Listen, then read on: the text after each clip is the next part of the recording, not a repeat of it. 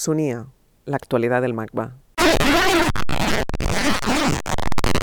La obra de Isidoro Valcárcel Medina es un pequeño laberinto de películas, piezas sonoras, acciones, proyectos de arquitectura, libros y otros trabajos en formatos difíciles de clasificar, que difuminan los límites entre el ejercicio conceptual y la reflexión crítica. A menudo más cercano a la filosofía, Valcárcel Medina ha sido siempre un creador comprometido, que ha tratado de mantener cierta distancia entre su trabajo y la especulación del mercado artístico. Para él, el arte solo tiene sentido cuando nos hace conscientes y responsables de una realidad personal, normalmente a través del propio juego del arte. Partiendo de su obra en la colección Magba y de su pieza para el proyecto Constitución 1812, Sunía habla con Isidoro Valcárcel Medina sobre mercado, tecnocracia y responsabilidad.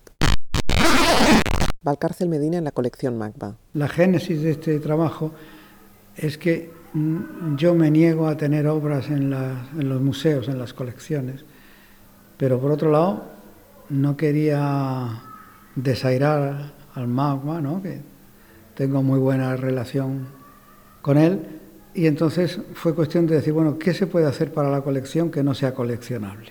Y ya está, ahí se acaba la historia. Entonces, bueno, pues nada, pintar una pared que dos meses después la van a pintar otra vez encima para que esté siempre nueva, ¿no? Entonces, lo mío es por naturaleza efímero, pasajero, ¿no? Y además lo van a pintar unos pintores que pintan mejor que yo. Bueno, pues hagamos eso. Lo único que pasa es que a disposición del museo queda el decir que eso ocurrió y yo no lo voy a negar. Entonces, bueno, es una naturaleza peculiar de una obra. Pertenece a la colección pero los espectadores no pueden disfrutar de ella. Ya está. ¡Buah! Muchísimo tiempo, era una cosa inabarcable. Además me pusieron un pedazo de pared, 50 metros cuadrados, una barbaridad, vamos. sí, con un rodillo, pues una mañana, en una mañana me hago yo eso. Y cualquiera, vamos. No, tenía la pretensión de desmitificar el trabajo del artista. Por ejemplo, yo cobré a precio de pintor de brocha gorda, ¿no? porque lo que yo había hecho realmente era, era eso. Lo que pasa es que había, pues eso, una ironía, decir, bueno, pinto como pintor de brocha gorda, pero con brocha fina. La palabra artista ya implica aparentemente un, canon especial. Luego, aparte de eso, la obra del artista se ve con una cierta reverencia, por no decir veneración. Y yo pienso que todo eso es estúpido, ¿no? Entonces, bueno, bien está que uno trabaje en ese campo y que lo haga lo mejor que pueda, pero siempre con la clara conciencia de cuál es la verdadera trascendencia de eso que no va más allá de, cualquier otro trabajo. Y eso me interesa. O sea, esa desmitificación que acabas de decir, me interesa dejarla clara, cuantos más veces mejor. Las cosas cuando se coleccionan, cuando se museizan, se petrifican, ¿no? Y dice, bueno, ya está. Entonces yo voy a ver esto. Puede ser de ayer o de hace cinco siglos, o sea, no importa, pero está petrificado, ¿no? Y eso es un poco triste, aburrido y sobre todo es anticreativo. Pues por lo mismo se puede tomar la actitud de decir, oiga, que es que yo, de acuerdo, participo con ustedes, nos entendemos, tomamos café y todo lo que sea, pero no entro en el juego. O sea, yo encantado de saludarles, eh, de tratar con los demás artistas, con los museos, con los galeristas, con los críticos, encantado de tratar con ellos. Ahora otra cosa es que me quieran ustedes meter en este rollo que, no comparto. Yo, aunque no uso la palabra, soy artista de profesión. Y luego con los de mi profesión, como ni los ofendo ni me ofenden, pues me llevo bien, realmente. Es cierto que no tenemos muchas cosas de las que hablar, pero siempre hay un grupito de cinco o seis con los que sí que puedo hablar. Constitución 1812. La Constitución de Cádiz tiene 380 artículos, 384. Entonces yo he pedido a otras tantas personas que me escribieran un artículo de, esos 300 y pico, ¿no? Y cada uno lo ha hecho sin más pie forzado que el texto fielmente reflejado, pero disponiendo de libertad en todos los otros aspectos de, su trabajo, es decir, tamaño, tipo de letra, tipo de elemento de inscripción, colores, en fin, lo que quisieran. Lo único que pasa es que puesto ante ellos se pudiera leer el artículo que fuera. ¿no? Producto de esa proposición es una, una de, y una multiplicidad enorme de, de papelitos, digamos, para entendernos, ¿no? que son los que estamos clasificando ahora y que mañana colocaremos. Y bueno, toda la gracia está en que si alguien fuera tan heroico como para leérselo todo, habría leído la Constitución de 1812, ¿no?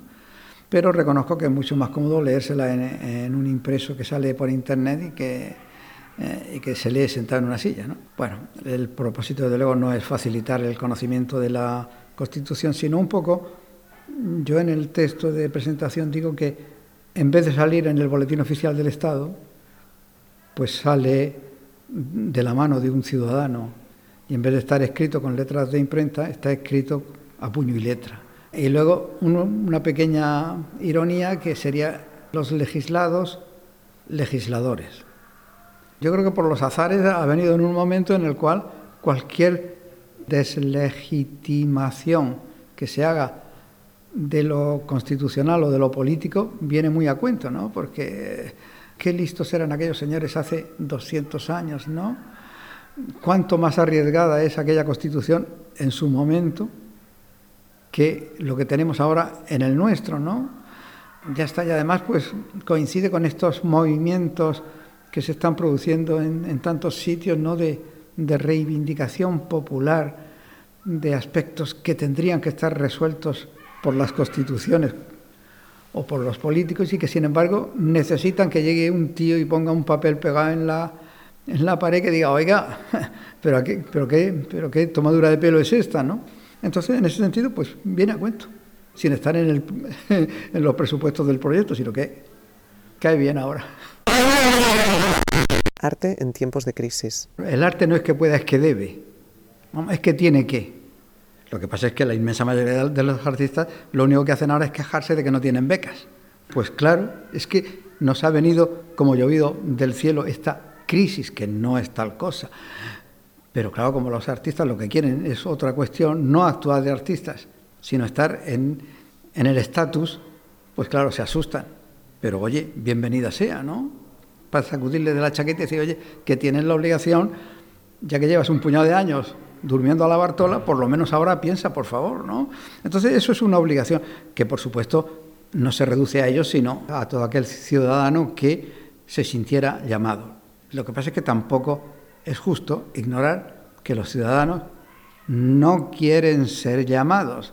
Es decir, ¿qué es lo que reclaman los ciudadanos? Reclaman la vuelta a una situación que es la que ha provocado el estado en el que estamos. Entonces, ¿de qué se trata? De que no quiero perder mi pensión, con todo derecho dicho, que no quiero perder mis vacaciones en la playa, que mi casa, que mi todoterreno, eso es lo que están pidiendo, cosa que ni vacaciones en la playa, ni casa, ni segunda vivienda, ni todoterreno son necesarios para vivir. Entonces no reclaman, quiero vivir, por ejemplo, democráticamente. No, no, quiero esas cosas que tenía. ¿Y qué hacen los artistas? Pues lo que te he dicho antes. Ya no me van a pagar la residencia en tal sitio, ¿no? no seamos tampoco tan ciegos como para no ver que junto a la torpeza y casi la delincuencia de los políticos, y no digamos de los tecnócratas y de los que manejan la pasta, está también la estupidez de los que no pertenecemos a eso, pero que hemos caído en el, en el agujero. Entonces, artistas tienen la obligación, tenemos la obligación de movernos y de inventar algo. Puñeta, que, que parece ser que el arte es una función creativa, ¿no? Bueno, pues creemos algo. Sobre el mercantilismo del arte. Es que el que, el que vende las cosas a precio millonario, pues oye, ¿qué te puedo decir? Pues que hace bien, ¿no? Si nos ponemos así, hace bien desde una posición de mm, hombre integrado en la tecnocracia dominante.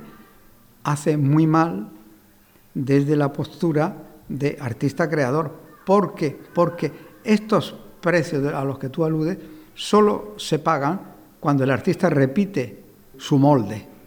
Pero si un artista de estos súper catalogados de repente llega y cambia el, como sería su obligación, cambia el lenguaje, cambia el mensaje, etcétera, etcétera, se queda a dos velas. ¿Por qué? Pues porque no responde a la condición de la mercancía. Entonces, artista creador que repite la mercancía, pues para mí no es mejor que un, que un banquero que, que está haciendo cuentas para ver cómo puede sacar un poco más, ¿no? Entonces, en ese sentido, para mí es absolutamente reprochable la mercantilización, pero primero reconozco el derecho a hacerlo, lo que no reconozco es el derecho a seguir catalogándose como creadores y junto a eso, pues oye, me parece estupendo el señor que pintara un paisaje y que consiguiera venderlo. Pues claro, pues estupendísimo. Ahora, eh, usted tiene que ser consciente de que usted, usted no es un artista, usted es un señor que pinta, a lo mejor pinta maravillosamente bien, pero que realmente tiene una cosa que le preocupa, que es la mercantilización de su producto, por encima de todo. Hay que hacer lo que se presenta en, cada, en cada momento, porque nuestro territorio no está demarcado como el territorio del atleta, que, que consiste en eso, y que son especialistas, cosa horrorosa. Por favor, que no haya artistas especialistas, ¿no? Porque eso sería deprimente, pero los hay. Los hay no solo en la función, sino también en la ejecución. O sea, el pintor de cuadros de tanto por tanto y de tal color. Esos especialistas son nefastos. Entonces, ¿qué hay que hacer? Hay que hacer lo que se presente. macba.cat